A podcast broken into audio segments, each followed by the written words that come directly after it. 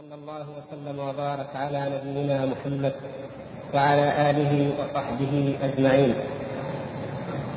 أما بعد أيها الإخوة في الله فقد سبق أن تحدثنا عن الموضوع الجلل الخطير الذي هو من أهم موضوعات العقيدة ومن أوجب ما يجب على طالب العلم وغيره بما أمكن أن يعرفه وهو وجوب تقديم قول النبي صلى الله عليه وسلم على كل أحد وعدم معارضته بأي معارض لا بعقل ولا بخيال ولا بكشف ولا بذوق ولا بقانون ولا بمنهج. فإن هذا هو مقتضى شهادة أن لا إله إلا الله وأن محمدا رسول الله صلى الله عليه وسلم. وهو كما ذكر الشارح رحمه الله تبارك وتعالى الحال أنهما توحيدان لا نجاة للعبد إلا بهما في الدنيا وفي الآخرة. توحيد المرسل سبحانه وتعالى بالعبادة والإنابة والخشوع والتضرع وتوحيد متابعة الرسول صلى الله عليه وسلم بالطاعة والاتباع. فمن لم يحقق كلا التوحيدين أو أحدهما فإنه لن ينجو من عذاب الله تبارك وتعالى وربما خرج من الإسلام بالكلية بسبب إخلاله بشيء من أمور هذين التوحيدين. وكنا قد وقف بنا المقام إلى الحديث الذي رواه الإمام أحمد كما ذكر الشارح رحمه الله تعالى عن الإمام بسنده ورواه غيره بألفاظ أخرى كالإمام مسلم في الصحيح فلنقرأه ولنستنتج منه العبرة التي أراد الشارح رحمه الله أن يستنتجها ونستدل عليها به. قال الإمام أحمد حدثنا أنس بن عياض حدثنا أبو حازم عن عمرو بن شعيب عن أبيه عن جده قال لقد جلست أنا وأخي مجلسا ما أحب أن لي, أن لي به حمر النعم. أقبلت أنا وأخي وإذا مشيخة من أصحاب رسول الله صلى الله عليه وسلم جلوس عند باب من أبوابه فكرهنا أن نفرق بينهم فجلسنا حجره. إذ ذكروا آية من القرآن فتماروا فيها حتى ارتفعت أصواتهم. فخرج رسول الله صلى الله عليه وسلم مغضبا قد احمر وجهه يرميهم بالتراب ويقول مهلا يا قوم بهذا أهلكت الأمم من قبلكم باختلافهم على أنبيائهم وضربهم الكتب بعضها ببعض. إن القرآن لم ينزل يكذب بعضه بعضا بل يصدق بعضه بعضا. فما عرفتم منه فاعملوا به وما جهلتم منه فردوه إلى عالمه. ولا شك أن الله قد حرم القول عليه بغير علم. قال تعالى قل إنما حرم ربي الفواحش ما ظهر منها وما بطن والإثم والبغي بغير الحق وأن تشركوا بالله ما لم ينزل به سلطانا. وأن تقولوا على الله ما لا تعلمون. وقال تعالى ولا تقف ما ليس لك به علم. فعلى العبد أن يجعل ما بعث الله به رسله وأنزل به كتبه هو الحق الذي يجب اتباعه فيصدق بأنه حق وصدق وما سواه من كلام سائر الناس يعرضه عليه. فإن وافقه فهو حق وإن خالفه فهو باطل. وإن لم يعلم هل خالفه أو وافقه يكون ذلك الكلام مجملا لا يعرف مراد صاحبه. أو قد عرف مراده أو قد عرف مراده لكن لم يعرف هل جاء الرسول بتصديقه أو بتكذيبه فإنه يمسك عنه. ولا يتكلم إلا بعلم والعلم ما قام عليه الدليل والنافع, ما جاء والنافع منه ما جاء به الرسول. وقد يكون علم من غير الرسول لكن في الأمور الدنيوية مثل الطب والحساب والفلاحة. وأما الأمور الإلهية والمعارف الدينية فهذه العلم فيها ما أخذ عن الرسول لا غير.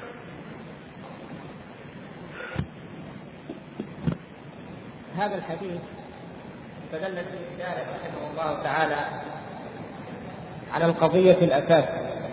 وهي قضية عدم معارضة شيء مما جاء به الرسول صلى الله عليه وسلم بالرأي أو الهوى. ومن هنا نهي عن الجدال كما نلاحظ في هذا الحديث لأن الجدال مدعاة بأن يتعصب الإنسان لرأيه فيتعسف في الأدلة ويأخذ منها ما يوافق هواه ورأيه ويرفض ما عداها ويقول هذا هو الصحيح. فيضرب بذلك يضرب كتاب الله تبارك وتعالى بعضه ببعض. وهذا هو الذي حصل في جميع الفرق التي ضلت وانحرفت. جاء الخوارج والمعتزلة فأخذوا النصوص في الوعيد فقط. لا يزني الزاني حين يزني وهو مؤمن. قالوا لا يمكن أن يقع الزنا من المؤمن إذا فمن زنى فهو كافر. وجاءت المرجئة فأخذت النصوص في الوعد في الرجاء. من قال لا إله إلا الله دخل الجنة. قالوا وإن عمل ما عمل فهو كامل الإيمان. وجاءت القدرية فأخذت من النصوص القدرية الذين ينفون القدر. أخذوا من الآيات ومن الأحاديث ما يدل على إثبات القدر. يعني بمعنى ما يدل على إثبات الفعل للإنسان. فنفوا قدر الله سبحانه وتعالى وأثبتوا أخذوا ما يدل على أن الفعل من الإنسان وجعلوا الإنسان هو الذي يخلق فعل نفسه. فلما جاءت قابلتهم القدرية النفاة الذين يسمون الجبرية. الجبرية أخذوا الآيات التي تدل على أن الله سبحانه وتعالى هو المتصرف وهو الذي يخلق ونسوا أن العباد هم الذين يفعلون بإرادتهم واختيارهم. فأخذت كل فرقة بشيء من الدين وضاربوا النصوص بعضها ببعض. فكانت نتيجة ذلك أن أن تفرق المسلمون وأن كثر الفتن في الدين والاختلاف فيما أنزل الله تبارك وتعالى. فضربوا كتاب الله عز وجل بعضه ببعض. هذا يقرأ آية الوعيد ويضرب بها آيات الوعد. وهذا يقرأ آيات الوعد ويضرب بها آيات الوعيد. أو الأحاديث. وكذلك في القدر وكذلك في الصفات. جاء بعضهم فأخذ من قوله تعالى ليس كمثله شيء. نفي الرحمن على العرش استوى. ينفي الاستواء مستدلا بقوله ليس كمثله شيء. ويأتي الآخر ويثبت العكس. ويقول إنه يستوي كاستواء المخلوقين وينسى ليس كمثله شيء. فنلاحظ أن المناهج الفرق المنحرفة عن منهج أهل الكتاب والسنة عن أهل السنة والجماعة تضرب كتاب الله بعضه ببعض وتضرب سنة النبي صلى الله عليه وسلم بعضه ببعض وتجادل وتماري في الدين بالهوى بالهوى الذي يزعمون أنه عقل ثم بعد ذلك ظهر من يماري ويجادل في دين الله تبارك وتعالى بالكشوفات والخيالات والمنامات والأذواق والمواجيد ويقولون أن الحق إنما يلتمس فيها. مثل ما قلنا لكم من قال إن الفاصل بين ما يؤول من الصفات وما لا يؤول إنما هو الكشف. فبالكشف نعرف ما نؤول وما لا نؤول ما نثبت وما ننفي أو نحرف أو يسمونه التأويل. فهذا من الأحاديث التي تنفي ذلك وترد على هذه المقالات جميعا. وهو كما يقول عمرو بن سعيد عن أبيه عن جده قال لقد جلست أنا وأخي مجلسا ما أحب الذي به حمر النعم أقبلت أنا وأخي وإذا مسيخة من صحابة رسول الله صلى الله عليه وسلم جلوس عند باب من أبوابه. هذا الذي المتكلم هو عبد الله بن عمرو عمرو بن سعيد عن أبيه عن جده جده عبد الله بن عمر رضي الله تعالى عنه.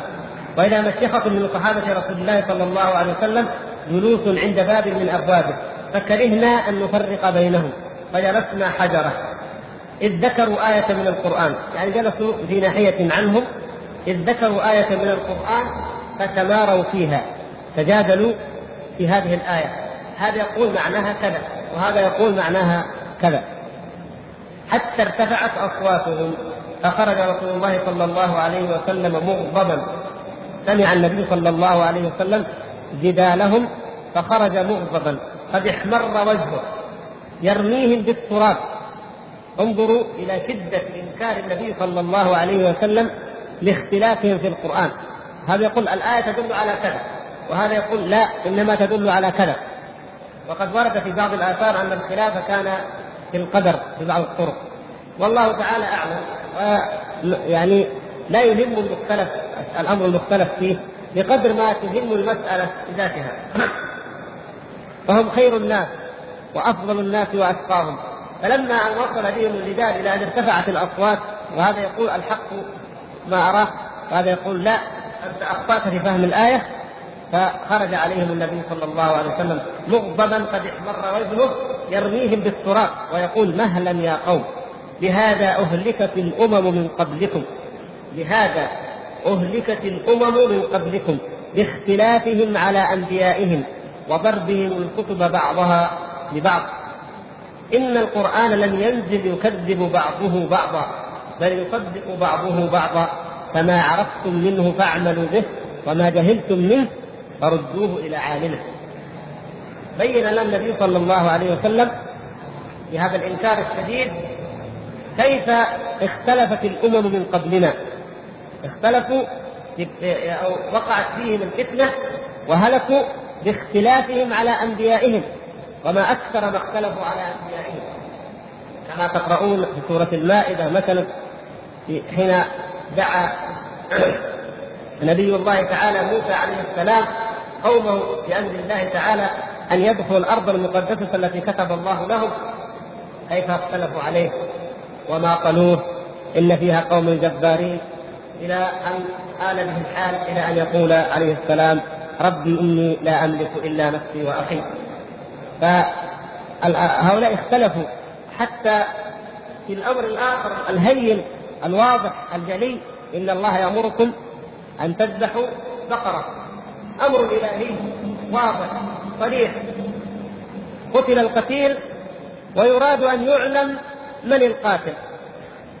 فأمرهم الله سبحانه وتعالى أن يذبحوا بقرة. لو أخذوا أي بقرة من البقر وذبحوها لأجزأ لكن الاختلاف والتنقع والتشدد الذي لا لا حقيقة له وليس وراءه ثمرة وإنما هو محبة العناد والإخلاد إلى الدنيا. والتحايل على أمر الله سبحانه وتعالى فأخذوا ما لونها ما هي ما هي حتى فذبحوها أخيرا وما كادوا يفعلون في الأخير مع أنها أي بقرة لن يشدد الله سبحانه وتعالى عليهم أول الأمر. فلما شددوا على أنفسهم شدد الله عليهم. كحديث الرجل الذي في الصحيح لما قال إن الله سبحانه وتعالى قد النبي صلى الله عليه وسلم قال أيها الناس حجوا فإن الله قد كتب عليكم الحج والعمرة. فقام رجل قال يا رسول الله أفي كل عام؟ قال لو قلت نعم لوجبت. لو قلت نعم لوجبت. هكذا. ثم ذكر النبي صلى الله عليه وسلم حال الأنبياء قبلنا وأنهم إنما هلكوا بكثرة سؤالهم واختلافهم على انبيائهم فالإنسان يقف عند حدود ما أنزل الله سبحانه وتعالى ولا يجادل ولا يماري ولا يقف ما ليس له به علم. فقال فباختلافهم على أنبيائهم هذا اولا وضربهم الكتب بعضها ببعض. يأتون إلى شيء مما أنزله الله تعالى عليهم فيضربون بعضه ببعض. وهكذا كان حال الأحبار والرهبان الذين كانوا يفسرون التوراة والإنجيل فكانوا يضربون بعضها ببعض. فتفرقت النصارى واليهود إلى الحال التي ترونها اليوم شيعا وطرقا حتى أنهم كتبوا أناجيل من عند أنفسهم وكذلك أسفارا للتوراة. فضاعت التوراة الحقيقية وضاع الإنجيل الحقيقي. ولما بعث محمد صلى الله عليه وسلم دعا جاء بالوحي المبين ودعاهم إلى إلى الدين وإلى الشريعة الناسخة. وكانت كتبهم الماضية قد حرفت جميعا وتعرضت للتغيير والتبديل حتى لم يبق منها نسخة يعتمد عليها في الصحة. بسبب هذا الاختلاف وهذا الشتات وهذا التفرق بعض الأناجيل كتبت عمدا لتثبت قضية من القضايا مثل إنجيل يوحنا هذا الذي يجادل فيه النصارى إلى اليوم ويفسرونه في إذاعاتهم. هذا كتب ليثبت أن المسيح ابن الله. تعالى الله عن ذلك علوا كبيرا. ويقولون هذا من عند الله. وما هو من عند الله؟ نعوذ بالله من البهتان ومن الافتراء على الله عز وجل. فيقول النبي صلى الله عليه وسلم إن بهذا بهذا أهلكت الأمم قبلكم باختلافهم على أنبيائهم وضربهم الكتب بعضها ببعض. إذا فماذا نفعل نحن؟ قال إن القرآن لم ينزل يكذب بعضه بعضا. إن القرآن لم ينزل يكذب بعضه بعضا. لا أبدا. حتى نأخذ آية ونعارض بها الآية الأخرى. بل يصدق بعضه بعضا. كله من عند الله سبحانه وتعالى. وكله حق. وكله يصدق بعضه بعضا. ولكن منه آيات محكمات هن أم الكتاب. وأخر متشابهات. فماذا نصنع؟ المؤمنون الذين وفقهم الله سبحانه وتعالى للحق والخير والهدى يردون المتشابه إلى المحكم فيفهم المتشابه من خلال المحكم وأما الذين في قلوبهم زيغ فيتبعون ما تشابه منه ابتغاء الفتنة وابتغاء تأويله فهؤلاء يتركون الآيات الواضحات المحكمات ويذهبون إلى المتشابهات ويضربون بعض كتاب الله سبحانه وتعالى ببعض. مثل ما قلنا صاحب كتاب أساس التقديس مثلا الرازي وامثاله يستدل على أن الله ليس في السماء ونفي الصفات التي يسمونها الصفات الخبرية ونفي الاستواء وأمثاله بقوله تعالى ليس كمثله شيء وقوله قل هو الله أحد إلى آخرها وقوله هل تعلم له سميا وأمثال ذلك. فكيف كيف يكون هذا معارضا لهذا؟ وهذا في حال الناس اليوم كثير أيها الإخوة كثير من الناس اليوم يعارضون كلام الله وكلام رسول الله صلى الله عليه وسلم بعضه ببعض وهذا قريب من معارضة الجاهليين. كيف عارض الجاهليون؟ حرم الله تبارك وتعالى الربا فقالوا إنما البيع مثل الربا. البيع حلال. اشتريت هذا ب 1000 ريال أبيعه ب 1500 أو ب 1100 رضي المشتري فأخذ. قالوا فأيش الفرق إذا أنا أقرضته الألف قرضا ويرجعها لي ب 1500 أو 1100 إنما البيع مثل الربا يعني عكس فيريدون أن يقولوا طبعا إنما الربا مثل البيع. لكن من شدة من المبالغة في استحلال الربا أصبح كأنهم يقولون إن البيع مثل الربا. يعني كأصبح هذا هو الذي يقيسون عليه الاستدلال آه، بالقياس على أنه حلال. إنما البيع مثل الربا. فيعارضون ما أمر الله تعالى به وما وما أمر به رسول الله صلى الله عليه وسلم. وكثيرة النماذج لا تحصى ولا تعد. لا مثلا كمثال بسيط يكاد أن يكون عاما منتشرا يوميا في كثير مما نقرأ. الآيات والأحاديث الصحيحة الثابتة في أن المرأة لا تخرج من بيتها إلا لضرورة وأنها يجب عليها أن تستتر على الأجانب وأنها حتى صلاتها هي في قعر بيتها أفضل منها في المسجد. كل هذه الأدلة وكل واقع الصحابة رضي الله تعالى عنهم وواقع المسلمين في القرون الماضية كله شاهد على هذا. يلغون هذا كله ويعارضونه بماذا؟ أن فلان أن فلانا من الصحابة اشتركت في غزوة كذا وأن فلانة خرجت إلى العراق وأن فلانة كانت تتعلم العلم وكانت تفتي. إذا قالوا إذا تخرج المرأة وتعمل ويهدرون جميع الأحاديث. الصحيحة بل الآيات الصريحة والواقع أيضا الضخم الذي كان معاشر كل ذلك يهدرونه مقابل أنه جاءوا بهذه الجزئية وبهذا فيضربون كتاب الله بعضه ببعض. يأتون إلى الآيات التي تحث على العمل مثلا. حتى الآية التي أنزلها الله تعالى في المنافقين. يقول اعملوا فسيرى الله عملكم ورسوله والمؤمنون. هذه قالها الله عز وجل خطابا للمنافقين. الذين يأتون فيحلفون للرسول صلى الله عليه وسلم. لو أمرتنا لنخرج وإن قاتلت نقاتل معك وكذا يعتذرون. بعد أن تنقضي الغزوة يأتون ويحلفون ويعتذرون. فيقول الله عز وجل وقل اعملوا وقل اعملوا فسيرى الله عملكم ورسوله والمؤمنون. ويتضح هل هذا الكلام حقيقي؟ وهذه الاعتذارات عن حق وعن صدق وإلا ما هي إلا خروج وتمحل وحيل عن تنفيذ الأعمال. هذه الآية يقولون الله تعالى يقول وقل اعملوا. إذا لابد أن تعمل المرأة. فيضربون كتاب الله بعض ببعض وينزلون الآيات والأحاديث في غير موضعها. وهذا كثير حتى عند العامة. وكل ذلك مرجعه إلى القضية الأساس أيها الإخوة الكرام إلى أنه لم يوحد الرسول صلى الله عليه وسلم. لم يوحد الله صلى الله عليه وسلم بالاتباع والطاعة والتحكيم ولم يقدر القرآن والسنة حق قدرهما بل خوت القلوب وخوت العقول من الفهم الصحيح ومن التقدير لما جاء به رسول الله صلى الله عليه وسلم من عند الله ولمعرفة قيمة هذا الوحي والتمسك به. وبين النبي صلى الله عليه وسلم المنهج في مثل هذا الشأن فقال: إن القرآن لم ينزل لم ينزل يكذب بعضه بعضا بل يصدق بعضه بعضا. طيب فماذا نعمل؟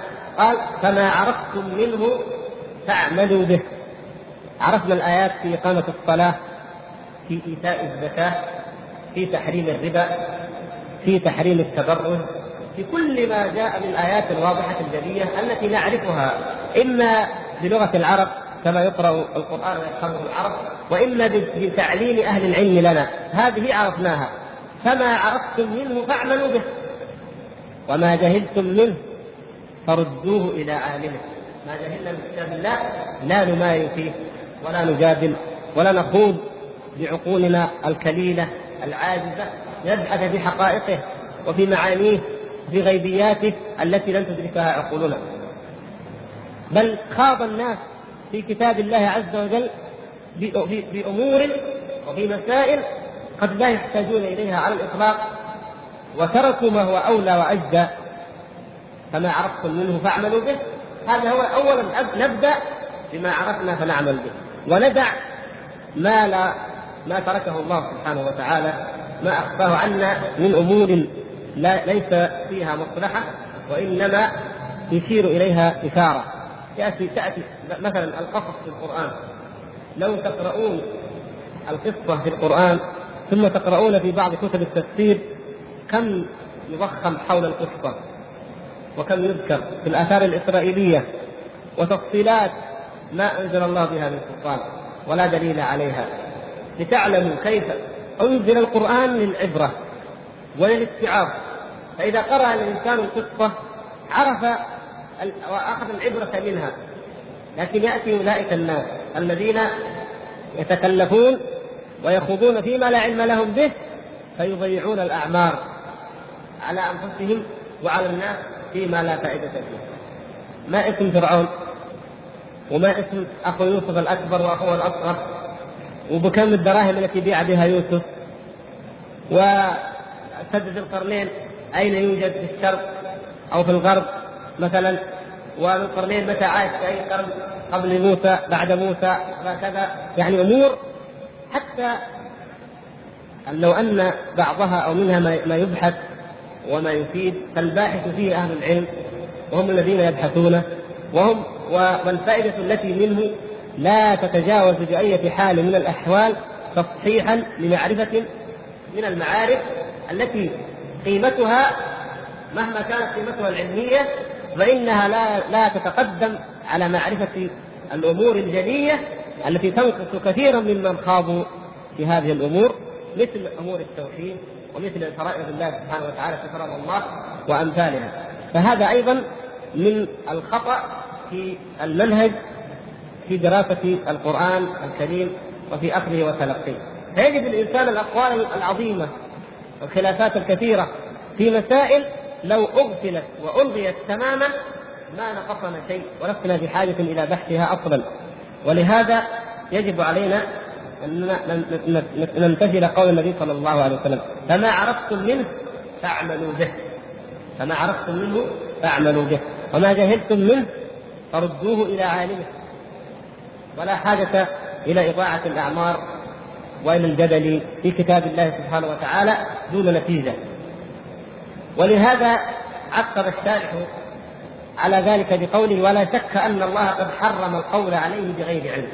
لما كان الجدال والمراء مدعاة للقول على الله تعالى بغير علم ولما كان الخوض والتكلف فيما لا تدركه العقول موصلا إلى الافتراء على الله سبحانه وتعالى والقول عليه بغير علم قال عقب بذلك فقال ولا شك أن الله قد حرم القول عليه بغير علم. قال تعالى قل إنما حرم ربي الفواحش ما ظهر منها وما بطن. ما ظهر منها وما بطن. كثير من الناس يجتنبون الفواحش الظاهرة. مثل ماذا؟ مثل الزنا السرقة شرب الخمر. هذه فواحش ظاهرة تجتنب لكن يغفلون عن الفواحش الباطنة. قل إنما حرم ربي الفواحش ما ظهر منها وما بطن. بعض العلماء وبعض المفسرين يقول إن المقصود ما أعلن به وما اختفي وما استخفي به لكن الذي يظهر ويترجح أن المقصود ما ظهر يعني الأعمال الظاهرة والأعمال الباطنة. من الفواحش الباطنة الأعمال القلبية التي نهى الله تبارك وتعالى عنها نهى الله تبارك وتعالى عن الحسد. الحسد هذا الذي يأكل الحسنات كما تأكل النار. الحطب هذا عمل باطني في القلب. قد لا يزني ولا يسرق ولا يشرب الخمر لكنه يحسد. لكنه يحسد على أخيه المسلم. لكنه لا يحب لأخيه المسلم ما يحب لنفسه بل يتمنى له الضرر وهكذا. فيكون أعظم من ذلك. وهو أن يكون في قلبه عافانا الله وإياكم شك فيما جاء به الرسول صلى الله عليه وسلم. أن يكون فيه مرض من من أمراض النفاق. أن تكون فيه نكت من نكت المعاصي والذنوب. فهذه من الفواحش الباطنة. قل إنما حرم ربي الفواحش ما ظهر منها وما بطن. الأعمال الظاهرة والأعمال الباطنة. والإثم والبغي بغير الحق كل تجدون في هذه الآية كلما يأتي معطوف جديد فإنه يكون أكبر من المعطوف الذي قبله كما هو ملاحظ. والإثم والبغي بغير الحق وأن تشركوا بالله ما لم ينزل به سلطانا. فالشرك أعظم من الإثم وأعظم من البغي بغير الحق. والإثم والبغي بغير الحق من أجمع الأسماء الإثم والبغي من أجمع الأسماء على الدالة على المعاصي وعلى الموبقات وعلى أسباب الهلاك. البر من أجمع الأسماء اسم جامع لكل خير البر. والإثم اسم جامع لكل شر. يشمل كل الشرور والموبقات. وكذلك البغي. إن الله يأمر بالعدل والإحسان وإيتاء ذي القربى وينهى عن الفحشاء والمنكر والبغي. نجد أن هذه الآية من أكمل الآيات التي تبين أصول ما يفعل ويمتثل وأصول ما يجتنب وينتهى عنه. قال تعالى وأن تشركوا بالله ما لم ينزل به سلطانا. هذا هو الذنب الأعظم من الآثام. وأكبر منه وأعظم وأن تقولوا على الله ما لا تعلمون. هل هناك ذنب أعظم من الشرك؟ نعم هذا هو. وهو من الشرك وهو من الكفر. لكن الكفر بعضه أكبر من بعض. وفي الكفر زيادات كما قال الله تعالى إنما النسيء زيادة في الكفر. يضل به الذين كفروا. فالقول على الله تعالى بغير علم أكبر جرما وظلما وبهتانا من مجرد شرك بلا قول على الله تبارك وتعالى. وهما مقترنان. غالبا مقترنان. الافتراء والشرك أو عبادة أو اتباع غير ما أنزل الله تبارك وتعالى. كما ذكرنا في قصة آه، موسى عليه السلام لما قال للسحرة ويلكم لا تفتروا على الله الكذب فيسحتكم بعذاب.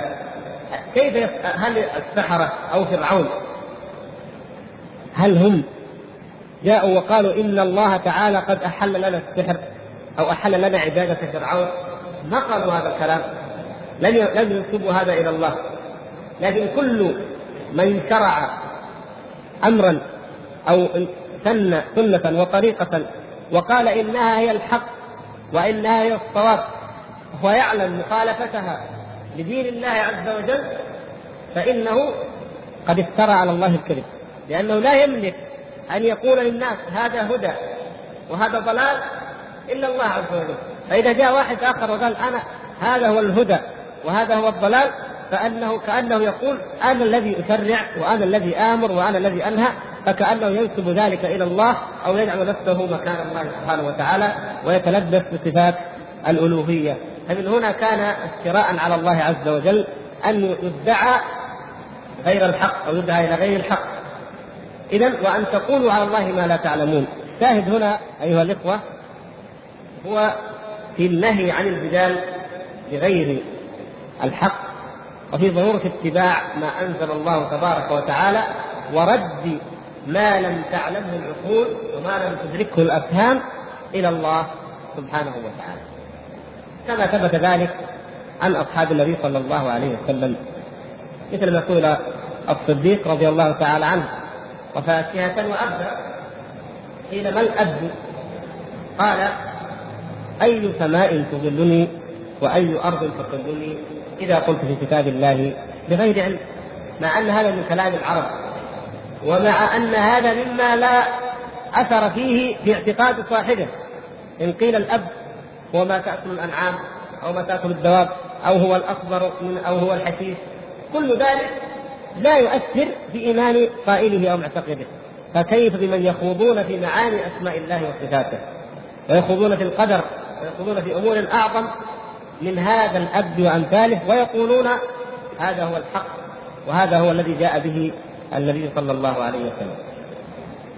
ويقول تعالى ولا تقف ما ليس لك به علم إن السمع والبصر والفؤاد كل أولئك كان عنه مسؤولا.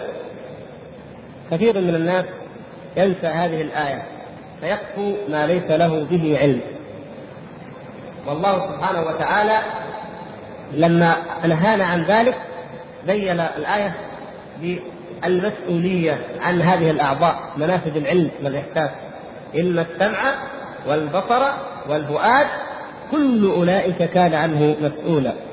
فلا تسمع ولا تبصر ولا تفكر إلا فيما أراد الله سبحانه وتعالى وفيما رضي لك وفيما شرع. وأما ما عدا ذلك فرد الأمر إلى العالي به سبحانه وتعالى هو الطريق الأسلم والأجدى. والعلم البشري محدود مهما كان. ولذلك لما جاء في آخر السورة نفسها ويسألونك عن الروح قل الروح من أمر ربي وما أوتيتم من العلم إلا قليلا. ما هي الروح؟ هل يستطيع اليوم علماء التشريح والطب والنفس وما إلى ذلك أن يجيبوا ما هي الروح. فضلا عن الناس في العقول الماضية لم يستطيعوا لا يستطيعون ولن يستطيعوا أبدا. قل الروح من أمر ربي وما أوتيتم من العلم إلا قليلا إلا قليلا. مثله الخضر عليه السلام لموسى عليه السلام في قصتهما المعروفة بعد أن انتهيا وبين له الخضر عليه السلام. لماذا فعل هذه الأمور؟ فبعد أن فعل ذلك جاء طائر فنقر في البحر بمنقاره. جاء طائر نقر في البحر بمنقاره وأخذ قطرة من الماء. انظروا كم حجم الطائر. وانظروا كم سعة كم سعة هذا البحر.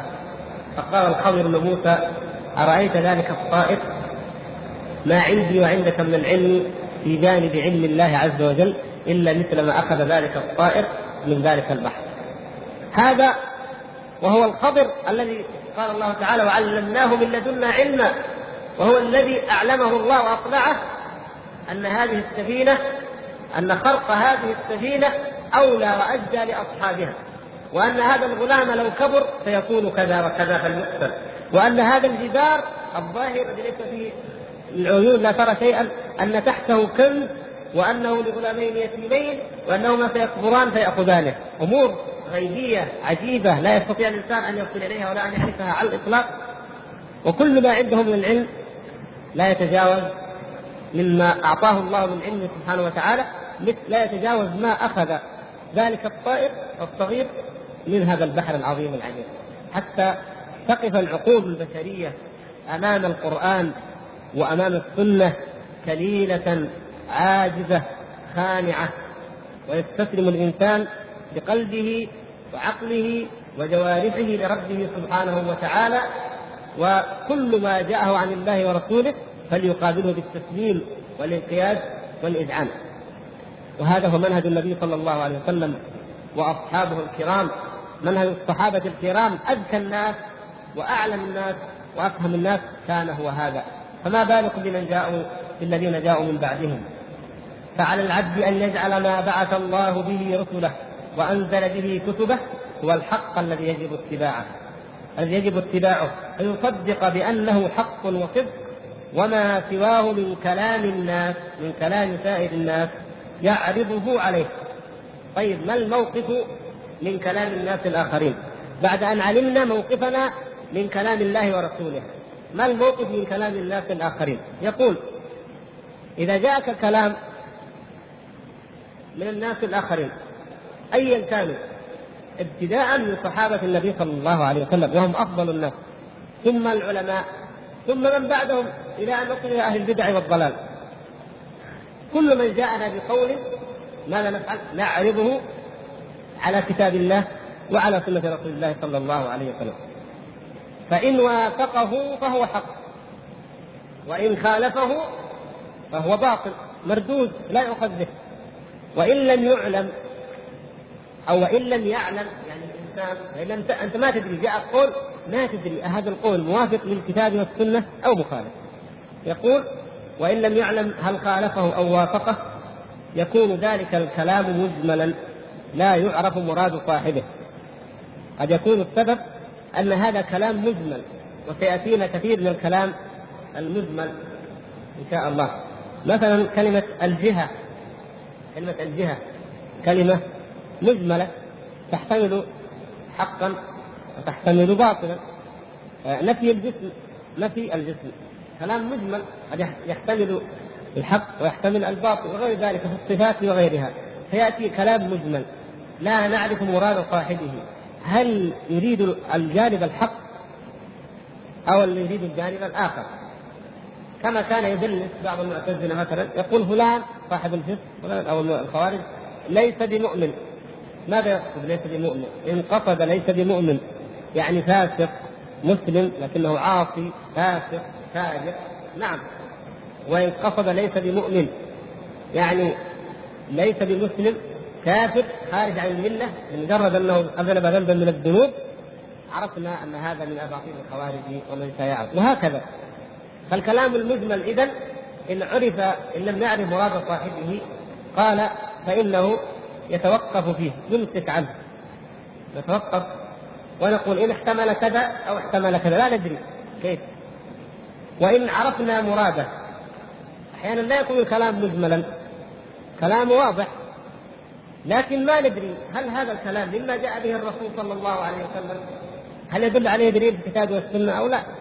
ما أكثر ما يقال ما أكثر ما يتجدد عند الناس من كلام. فهل نستطيع أننا كلما جاء قول نعرف هل هو حق أو باطل؟ يصعب ذلك إلا على العلماء وبعد البحث والتنقيب أحيانا. فإذا إذا عرفنا مراد المتكلم ولكن لم نعرف هل جاء الرسول صلى الله عليه وسلم بتصديقه أو بتكذيبه فإنه يمسك عنه. يتركه ويدعه ولا يتكلم إلا بعلم. كثير من الأمور ومنها ما سألتم عنه في الدروس الماضية هي من هذا القبيل. يعني يأتي أخبار أو نظريات علمية.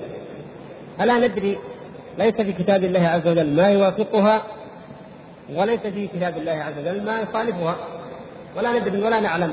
الموقف في هذا الإمساك عنها وعدم إشاعتها بين الناس وعدم الخوض فيها إلا إذا كانت لدينا بينة وعلم من الله سبحانه وتعالى. ما ما وصلنا إلى بينة فلا نجهد أنفسنا ولا نجهد الناس في معرفتها وفي الاستدلال لها أو عليها. فضلا على أن نتفرق فريقين أو أكثر هذا يؤيد وهذا ينفي وهذا يعارض. وما أكثر ما يحدث وخاصة في هذا الزمان من أمثال هذه الأمور. يقول ولا يتكلم إلا بعلم ثم أخذ يشرح ما هو العلم. يقول العلم ما قام عليه الدليل. العلم ما قام عليه الدليل. هذه هي حقيقة العلم. أما ما عدا ذلك ما لم يقم عليه دليل فإنه ظن. والظن إن الظن لا يؤمن من الحق شيئا.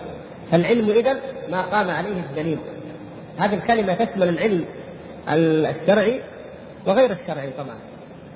العلم الشرعي يقوم عليه الدليل من الكتاب أو السنة أو القياس الفهم الصحيح للأدلة. والعلم الدنيوي العلم الحقيقي هو الذي قام عليه الدليل من تجربة أو برهان من البراهين التي يكفي مثلها لصحة هذا العلم. هذا هو العلم هو ما قام عليه الدليل. والنافع منه ما جاء به الرسول صلى الله عليه وسلم. أنفع العلوم وأجزى العلوم وأفضلها هو ما جاء به الرسول صلى الله عليه وسلم. لأن عليه تتوقف سعادة الإنسان في الدنيا والآخرة. عليه يتوقف الهدى والضلال.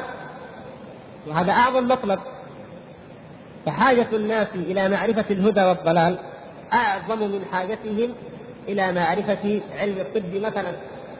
يعني حاجتك إلى أن تعرف ما يدلك على طريق الجنة ويباعدك عن طريق النار أعظم من أن تعرف ما يدلك على طريق السلامة والعافية مما يدلك على طريق المرض والهلاك. فإن الإنسان لو هلك وكان من أهل الجنة ما خسر ولكن لو أنه سلم وعوفي في بدنه ولكنه كان يعمل أعمال أهل النار فإن هذا هو الخسران. نسأل الله السلامة والعافية. ولذلك نعلم أهمية هذا. يعني هو أفضل منه بدون أن نهدر القيمة التي لذلك لكن هذا أفضل منه. وقد يكون علم من غير الرسول صلى الله عليه وسلم لكن في الأمور الدنيوية مثل الطب والكتاب والفلاحة. يعني يجي واحد يقول طيب تقولون لا نأخذ العلم إلا من الرسول صلى الله عليه وسلم. الطب والفلاحة الهندسة الكيمياء الفيزياء هذه العلوم هل هي تأتي عن طريق الرسول صلى الله عليه وسلم ولا نأخذها إلا عن طريقه؟ طبعا الجواب معروف عند الجميع. نقول لا ليس هذا هو المراد. النبي صلى الله عليه وسلم بعثه الله تعالى لنا ليبين لنا طريق الهداية. وكذلك القرآن أنزل إلينا هدى ونورا وشفاء وموعظة وذكرى. هذا هو الذي الغرض والأساس. وما عدا ذلك من الأمور فهي بالتبع وليست بالأصالة وإنما هي بالتبع. فإذا أصل ما جاء به الرسول صلى الله عليه وسلم ليس أمور الدنيا. ومن هنا يقول قوله صلى الله عليه وسلم أنتم أعلم بأمور دنياكم في قصة تابير النخل. أنتم تؤبرون النخل تلقحونه تدعونه تضعون السماد ما تضعون تسقون في أيام معلومة تتركون أمور الزراعة. هذه الأمور لا يحتاج فيها إلى رسول. الرسول صلى الله عليه وسلم جاء لما هو أعظم.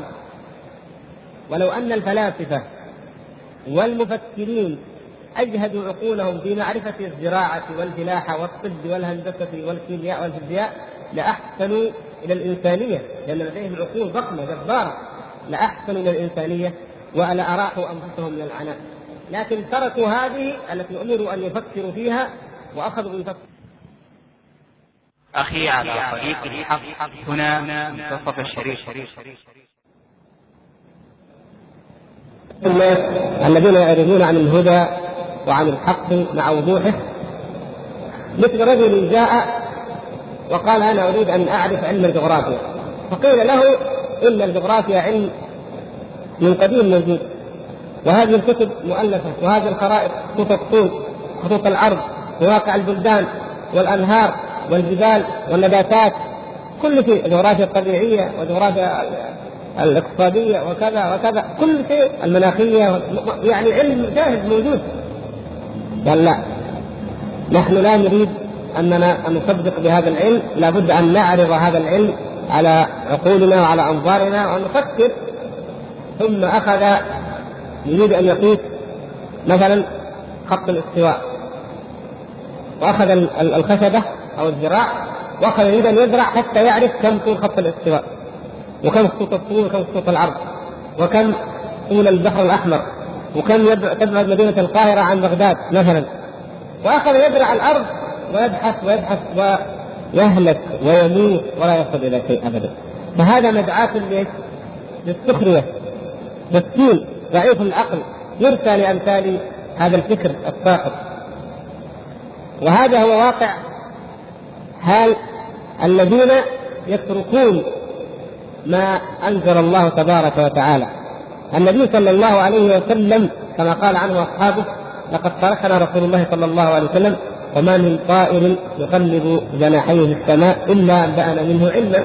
أو كما قال فأخبرنا النبي صلى الله عليه وسلم بما يصلحنا في دنيانا وفي أخرانا بما يصلح قلوبنا معاملاتنا مع أهلنا مع مجتمعنا بين الراعي والرعية بين الجار والجار بين العبد وربه طريق الجنة كله واضح. ثم كيف يأتينا الموت؟ ثم كيف ننتقل إلى القبر؟ ثم ماذا يحدث لنا في القبر؟ ثم كيف تقوم الساعة؟ ثم كيف نحاسب؟ ثم كيف نرد الصراط ثم كيف يدخل أهل الجنة الجنة؟ وأهل النار النار. كلام لا يمكن أن تبلغه العقول ولا تصل إليه. ومع ذلك وضحه رسول الله صلى الله عليه وسلم لنا توضيحا كافيا كاملا. حتى كأننا نرى كل هذه الأمور ما بقي إلا أن تقع فيكون يقع شيء أنت قد رأيته بقلبك وتأملته وفي جوانحك وفي إحساسك حقيقة كل هذا الأمر فياتون قالوا لا نلغي هذا العلوم كله ويبداوا يفكروا ما هي الروح؟ كيف تخرج الروح؟ أين تذهب؟ كيف يذهب الإنسان؟ من أين جاء الإنسان؟ علماء الحفريات يلقبون في في الثلوج في أقاصي الشمال والجنوب. انفجارات ذرية وقنابل تفجر في باطن الثلوج فإذا انفجرت يرون بقايا الحيوان لعلهم يجدون انسانا مات قبل ملايين السنين كما يزعمون وطمرته الثلوج فيعرف الإنسان القديم كيف كان شكله كيف كان يفكر سبحان الله. يضيعون الأعمار في هذه السوق. سبحان الله كفاكم الله ذلك. الله وجل أخبرنا ان الإنسان الأول من هو وكيف خلقه. لا ما يريدون هذا. ويخوضون ويبحثون. حتى في في في السرايا. يحتارون دراسات وراء دراسات. ماذا نعمل بالربا؟ كم يحدد النسبة؟ هل يحرم كله الربا كما تقول الدول الاشتراكية؟ قالوا لا. يخفض خفض الفائدة القروض الإنتاجية.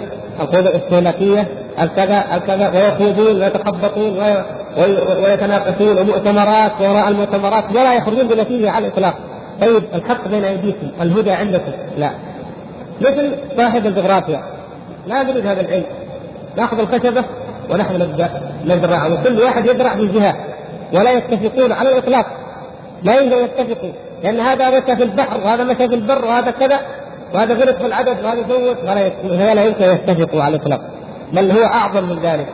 لأن علم الغيب الذي جاء به النبي صلى الله عليه وسلم مما لا تدركه العقول ولا يدرك بالحس. وكذلك الشرع الذي جاء به رسول الله صلى الله عليه وسلم من الحدود من الأحكام المالية الأحكام الاجتماعية كل ذلك مما لا تستطيع العقول أن تأتي بمثله أبدا أبدا ولو كان من عند غير الله لوجدوا فيه اختلافا كثيرا. فرحمنا الله عز وجل رحمنا وأعطانا هذا الدين القويم وأرسل إلينا هذا النبي العظيم صلى الله عليه وسلم وأنزل إلينا القرآن الذكر العظيم النبأ العظيم. أنزل الله سبحانه وتعالى هذا الكتاب المبين الحكيم وأعطانا كل الخير والهدى واضحا جليا أمامنا. فإن نحن تمسكنا به فهذا هو العلم هذا هو الحق وهذا هو العلم الصحيح الذي هو أعظم وأشرف أنواع العلوم. أن نتعلم هذا الكتاب وهذه السنة ونعبد الله تبارك وتعالى على بينة وعلى برهان.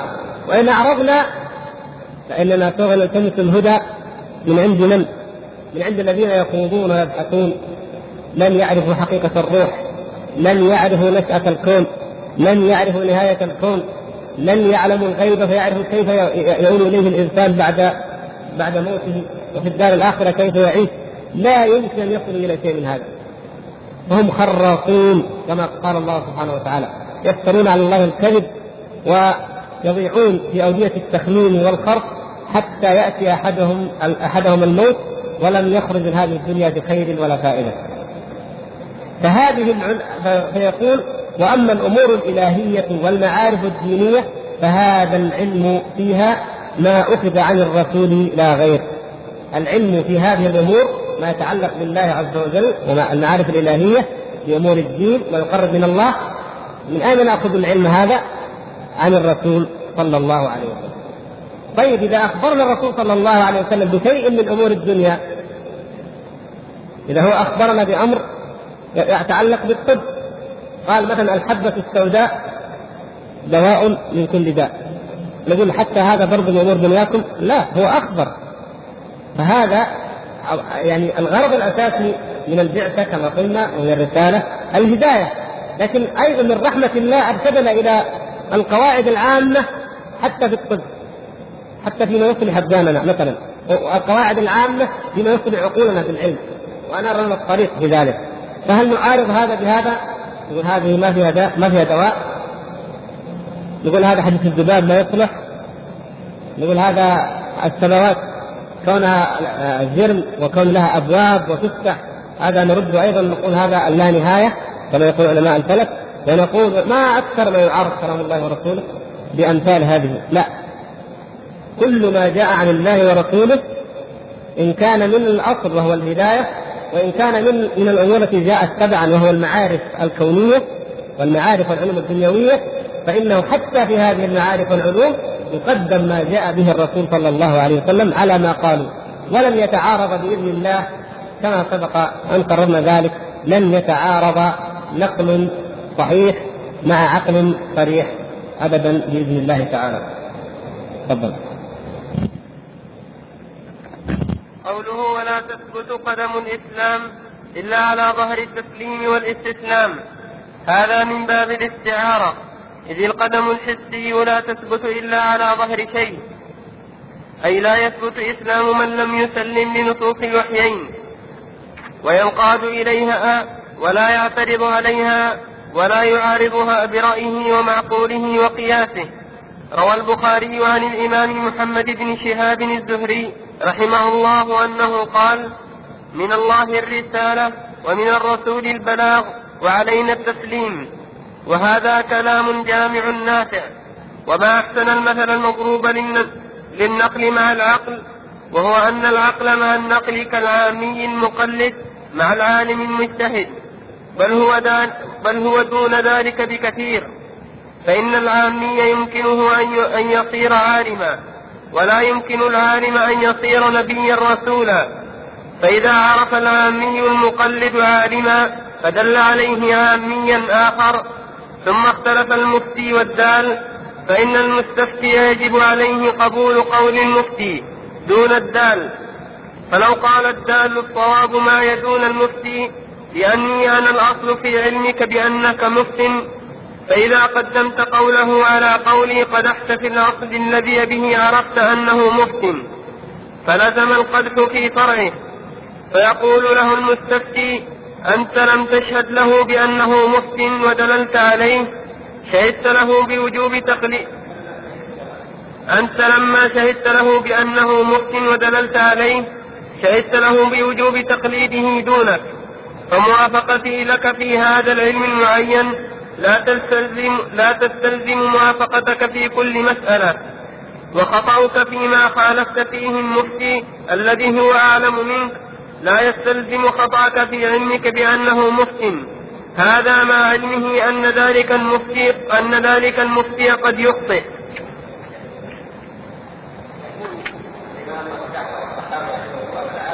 ولا قدر الإسلام إلا على قدر التسليم والاستسلام هذه العبارة البليغة ولا الإسلام إلا على لهذا لو منا أو لو أردنا أن نعرف ما هو تعريف الإسلام الإسلام هو الاستسلام لله بالطاعة. أول ما يبدأ التعريف بأن الاستسلام لله بالتوحيد أو بالطاعة والانقياد له بالطاعة والخلوص من الشرك. الاستسلام إذا أي بأن يلغي الإنسان كل معارضة في ذهنه في نفسه يلغي كل شك أو شبهة فيما جاء به الرسول صلى الله عليه وسلم ويمتثل قول الله تبارك وتعالى يا أيها الذين آمنوا ادخلوا في السلم كافة.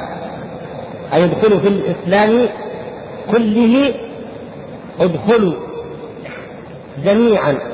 كلكم بكليتكم في دين الله كله جميعا. هذا هو المراد والمطلوب وعلى ذلك قاتل النبي صلى الله عليه وسلم وأمر أن يقاتل وقاتلوهم حتى لا تكون فتنة ويكون الدين كله لله. ويكون الإذعان والانقياد والطاعة لله تبارك وتعالى. فهذه الاستعارة يقول الشارح هذا من باب الاستعارة. كأن الإسلام شبه ذلك يعني إسلام كل منا مثل ما لو أنه هو بذاته هذا الإنسان يمشي بقدميه فعلى أي شيء يثبت حتى لا يسقط على ظهر التسليم والاستسلام. الاستعارة هي التشبيه الذي حدث أحد طرفيه. يعني بدل ما نقول أن مثل الإنسان مثل إسلام الإنسان كالإنسان الذي يقف على قدميه لا بد أن يقف على شيء وهذا الشيء يجب أن يكون ثابتا مثل التسليم والاستسلام. حذفنا أحد الطرفين المشبه وأبقينا المشبه به فهذا معنى الاستعارة. فيقول القدم الحسي لا تثبت إلا على ظهر شيء. يعني القدم الحسية هذه قدمك لا تثبت إلا على شيء. فشبه إذا فأخذ ذلك وقال لا يثبت إسلامك ولا إيمانك إلا على شيء تقف عليه. ما هو هذا الشيء؟ التسليم والاستسلام لله سبحانه وتعالى. فلا يثبت الإسلام من لم يسلم لنصوص الوحيين يعني الكتاب والسنة وينقاد إليها ولا يعترض عليها ولا يعارضها برأيه ومعقوله وقياسه. ثم استشهد على ذلك بما قاله الإمام العظيم محمد بن شهاب الزهري فيما رواه الإمام البخاري عنه. قال هذه الكلمة الجامعة. من الله الرسالة. من الله الرسالة. وهذه رحمته سبحانه وتعالى من رحمته أنه من بها فأرسل رسوله صلى الله عليه وسلم وما أرسلناك إلا رحمة للعالمين. فالله تعالى رحمنا. وأرسل الرسول صلى الله عليه وسلم وأنزل الرسالة. إذا من الله الرسالة. ومن الرسول البلاغ.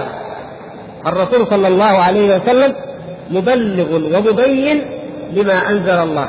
إذا من الله الرسالة ومن الرسول البلاغ. وعلينا نحن ماذا؟ وعلينا التسليم.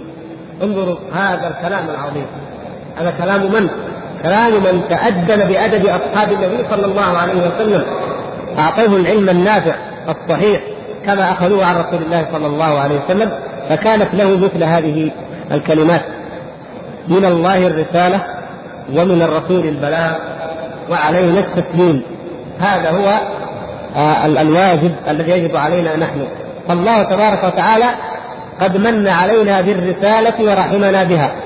والرسول صلى الله عليه وسلم قد بلغ الرسالة وأدى الأمانة.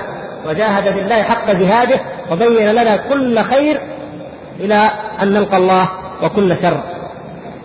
فماذا بقي؟ علينا نحن التسليم والانقياد والإذعان والاتباع.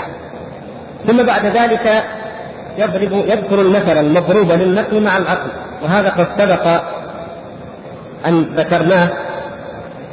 وهو أن آه، شيخ الإسلام ابن تيمية في درء التعارض ذكر هذا المثال الذي لخصه الشارح هنا. الذين يقولون نقدم العقل على النقل ما هي حجتهم؟ يقولون إن العقل هو الذي دلنا على صحة النقل. فلولا العقل ما عرفنا أن هذا رسول ولا عرفنا أن القرآن حق. فإذا فالعقل هو أصل النقل هو الذي دل عليه. وكما تعلمون المجنون لا يكلف والمجنون لا يهتدي إلى الحق ولا يعرف صدق رسول من كذبه ولا يفهم آية من غيرها. هذه حقيقة. فأراد شيخ الإسلام ابن تيمية رحمه الله أن يزيل هذا اللبس الذي حصل عندهم بعلاقة هذا الدليل مع المدلول عليه. فقال هذا المثل الذي هو للتقريب للتقريب. وإلا فإنه ليس ليس من كل جهة ليس التسليم من كل جهة. وهو أن مثل العقل مع النقل كالعامي المقلد. يعني أول شيء ذكر هذا المثال كالعامي المقلد مع العالم المجتهد. يعني عالم مجتهد بالغ رتبة الاجتهاد وعندنا عامي مقلد. هذا العامي يسأل العالم ويفهم أمره ويفهم. طبعا ليس كالمجنون أو الذي لا عقل له أو الطفل الصغير. لا هو لديه عقل يفكر. فكلما أمره العالم بشيء فكر فيه وفهمه ثم نفذه. هذا هو الدور الحقيقي الذي يجب أن يكون هذا وهذا عليه.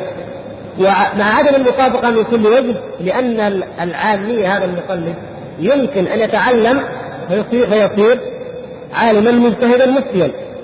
بخلاف العقل مع النقل فإنه مهما كان لن يصل إلى رتبته لأن الوحي غيب من الغيب الذي لا تصل إليه العقول ابدا. فالعالم أو العاقل المفكر مهما أعمل عقله لن يصبح نبيا ولن يعرف علوم الأنبياء ابدا. يقول فإذا إذا عرف العامي المقلد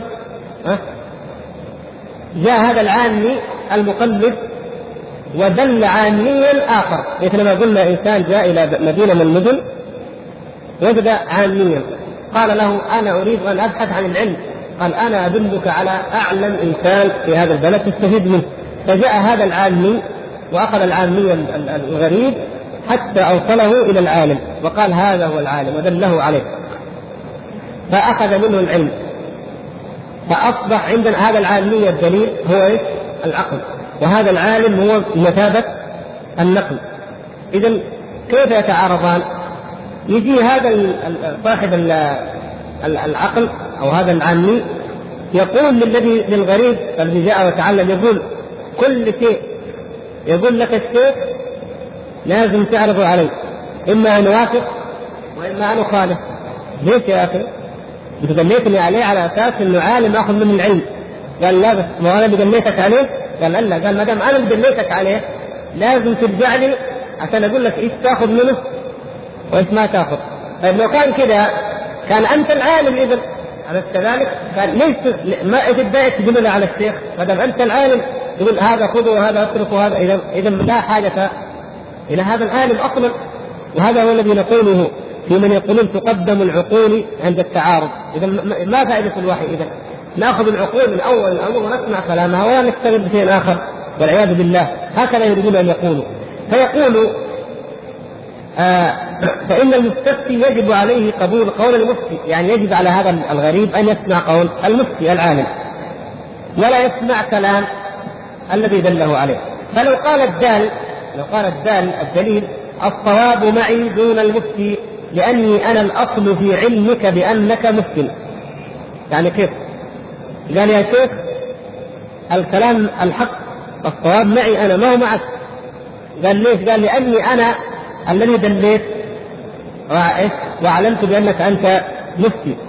فإذا قدمت قوله علمتك بأنه مفتي. قال فإذا قدمت قوله على قولي قدحت في الأصل الذي به عرفت أنه مفتي. يظن الغريب ده إذا أنت قدمت قول الشيخ على قولي فانك قد قدحت بالأصل في الأصل وهو أنني أنا الذي عن طريقي عرفت هذا الشيخ. فلزم القدح في فرعه. اذا يلزم القدح في الفرع وهو النقل. فيقول له المستفتي الإنسان الغريب الذي جاء يقول أنت لما شهدت له بأنه مفتي لما أنا جيتك وسألتك فين المفتي فشهدت بأن هذا الشيخ هو المفتي ودللت عليه ودليتني عليه شهدت له بوجوب تقليده دونك. فأنت قلت لي أنت لما قلت لي إنه هذا هو الشيخ وهذا هو العلم وهذا موجود كذا روح عنده فأنت في هذا الكلام قد شهدت بأنه هو المفتي الذي أنا أتبعه دونك ولا اتبعك أنت. أنت لا تتجاوز قدرك وطورك. فموافقتي لك في هذا العلم المعين لا تستلزم موافقتك في كل مسألة. شفت كيف؟ يعني لما أنا صدقتك وقلت جزاك الله خير وعلمك هذا صحيح ودليتني فعلا على إنسان عالم صحيح هذه موافقتي لك في هذا القدر من الحق لا تستلزم أن يوافقك في كل قول تقوله وأعرض كلام الشيخ عليه وبعدين وخطأك فيما خالفت فيه المفتي وخطأك أنت. فيما خالفت فيه المفتي. الذي هو أعلم منك لا يستلزم خطأك في علمك بأنه مفتي. كيف يعني؟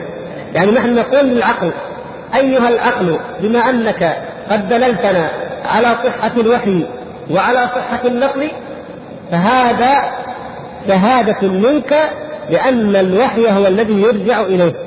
لكن دليتنا على أن الوحي هو الذي يبين طريق الهدى. فهذه شهادة منك بأن المتبع هو الوحي. وبعدين نحن ما نهدر قيمة العقل. وخطأك أيها العقل في أمر تخالف فيه الوحي. خطأ العقل في أمر يخالف الوحي لا يستلزم أنه مخطئ في دلالته على أن الوحي هو الصواب. لا. وجاء بحق وجاء بباطل. فالحق هو قوله إن الوحي هو الصواب. والباطل هو قوله إنما جاء به الوحي فأنا بإطاره عرضوه علي لأخبركم بما تأخذون منه وما لا تأخذون. فنقول لا يلزم من هذا هذا فلا يلزم من صوابك في الدلالة أن نأخذ كلامك دون الوحي ولا يلزم من خطأك فيما عارضك فيه الوحي أنك مخطئ في دلالتك على صدق الوحي، يعني المسألة واضحة لكن حتى نوضح العبارات فقط وإلا في القضية المثال في حد ذاته واضح. وهذا من أحسن الاجوبه والأمثلة التي يتضح بها قيمة عقل الإنسان مع ما أنزل الله تبارك وتعالى من الوحي الذي تعبدنا الله سبحانه وتعالى دون ما سواه. تفضل كمل. العاقل يعلم أن الرسول معصوم في خبره عن الله تعالى لا يجوز عليه الخطأ فيجب عليه التسليم له والانقياد لأمره.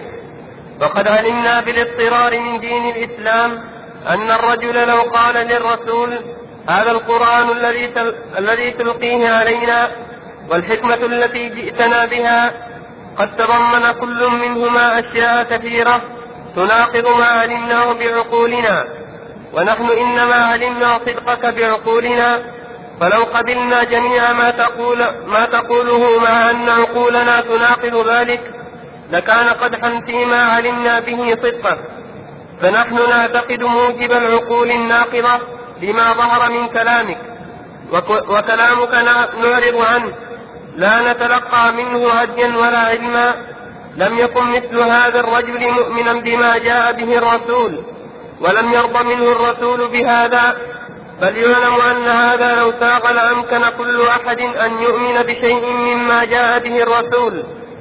إذ العقول متفاوتة والشبهات كثيرة والشياطين لا تزال تلقي, تلقي الوسواس في النفوس فيمكن كل أحد أن يقول مثل هذا في كل ما أخبر به الرسول وما أمر به.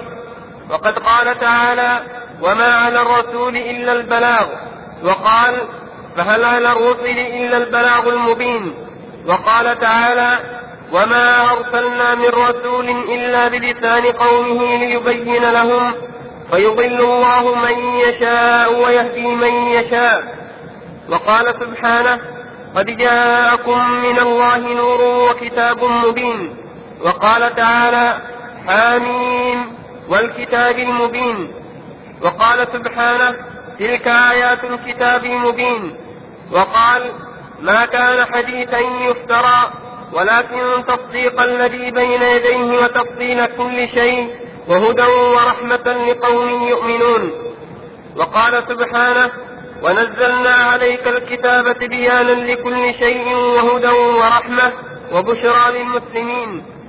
ونظائر ذلك كثيرة في القرآن. فأمر الإيمان بالله واليوم الآخر إما أن يكون الرسول قد تك... إما أن يكون الرسول صلى الله عليه وسلم تكلم فيه بما يدل على الحق أم لا. الثاني باطل. وإن كان قد تكلم بما يدل على الحق بألفاظ مجملة محتملة فما بلغ البلاغ المبين وقد شهد له خير القرون بالبلاغ. وأشهد الله عليهم في وأشهد الله عليهم في الموقف الأعظم.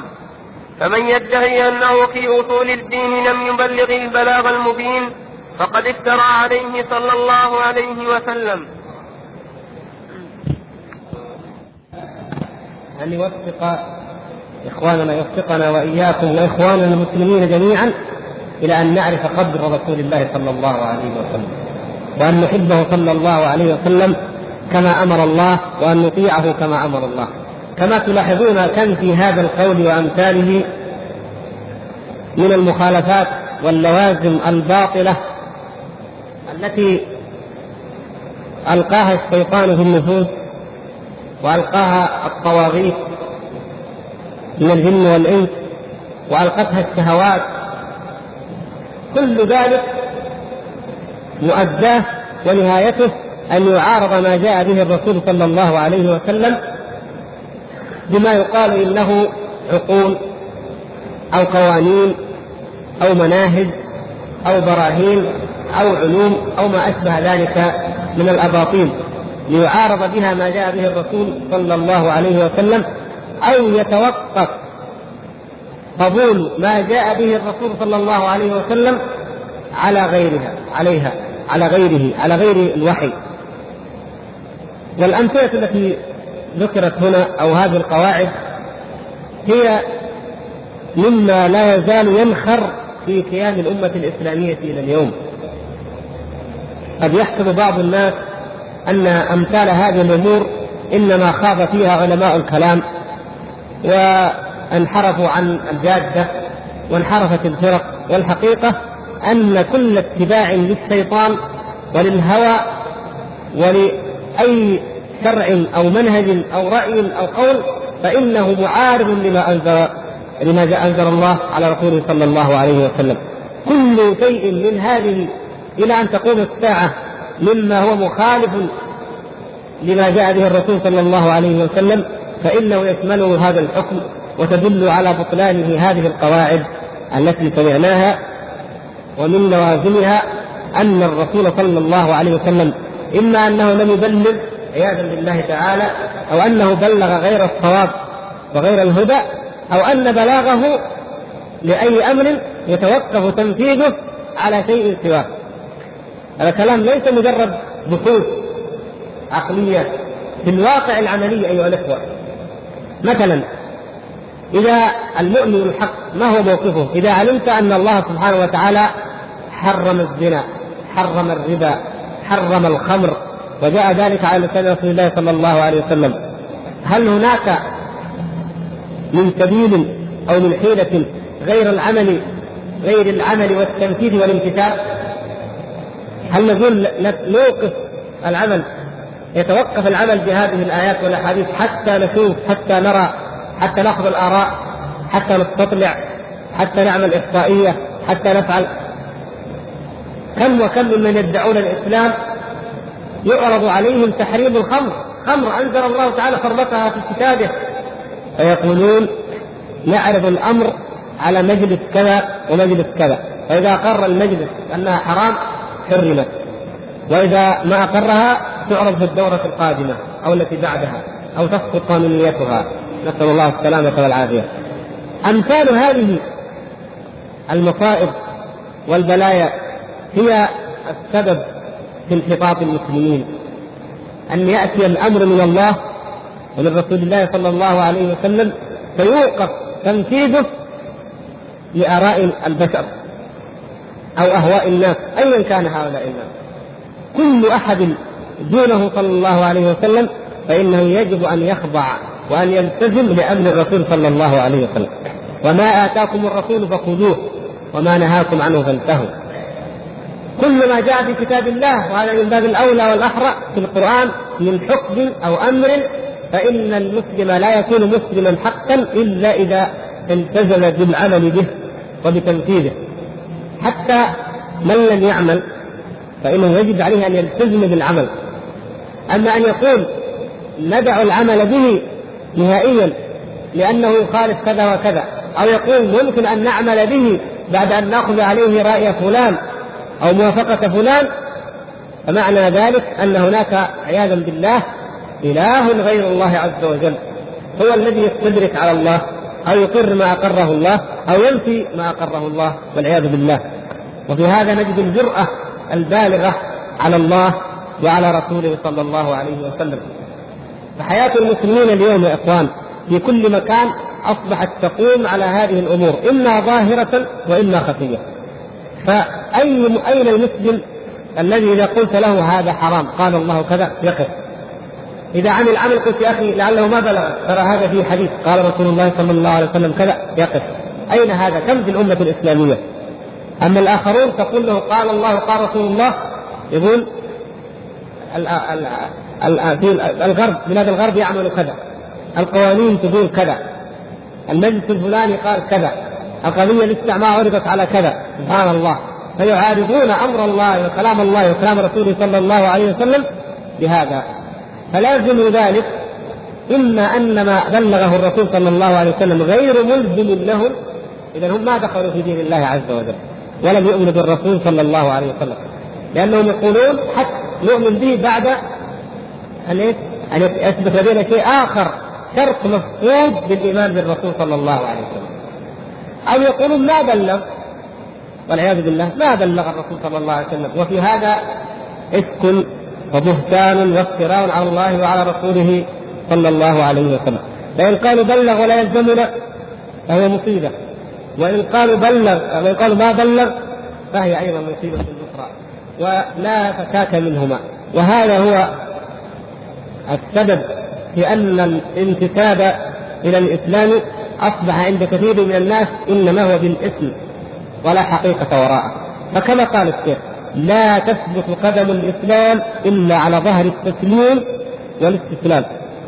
فمن لم يكن كذلك فإيمانه غير ثابت مهجوز أو مفقود حتى يكون الإنسان منا إذا بلغه عن رسول الله صلى الله عليه وسلم شيء كأنما رسول الله صلى الله عليه وسلم يخاطبه ويناديه بالاسم ويقول يا فلان دع الربا ويا فلان دع الزنا ويا فلان دع الخمر ويا فلان أرجم الزاني والزانية ويا فلان حرم كذا أو أحل كذا. هكذا يجب أن يكون حالنا. لأن غياب شخصه صلى الله عليه وسلم عنا لا يعني قطاع الدين.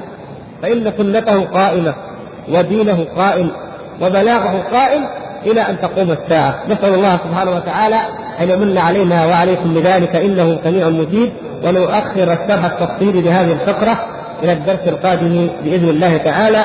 لندع لكم الفرصة للوضوء ثم نجيب على الأسئلة إن شاء الله.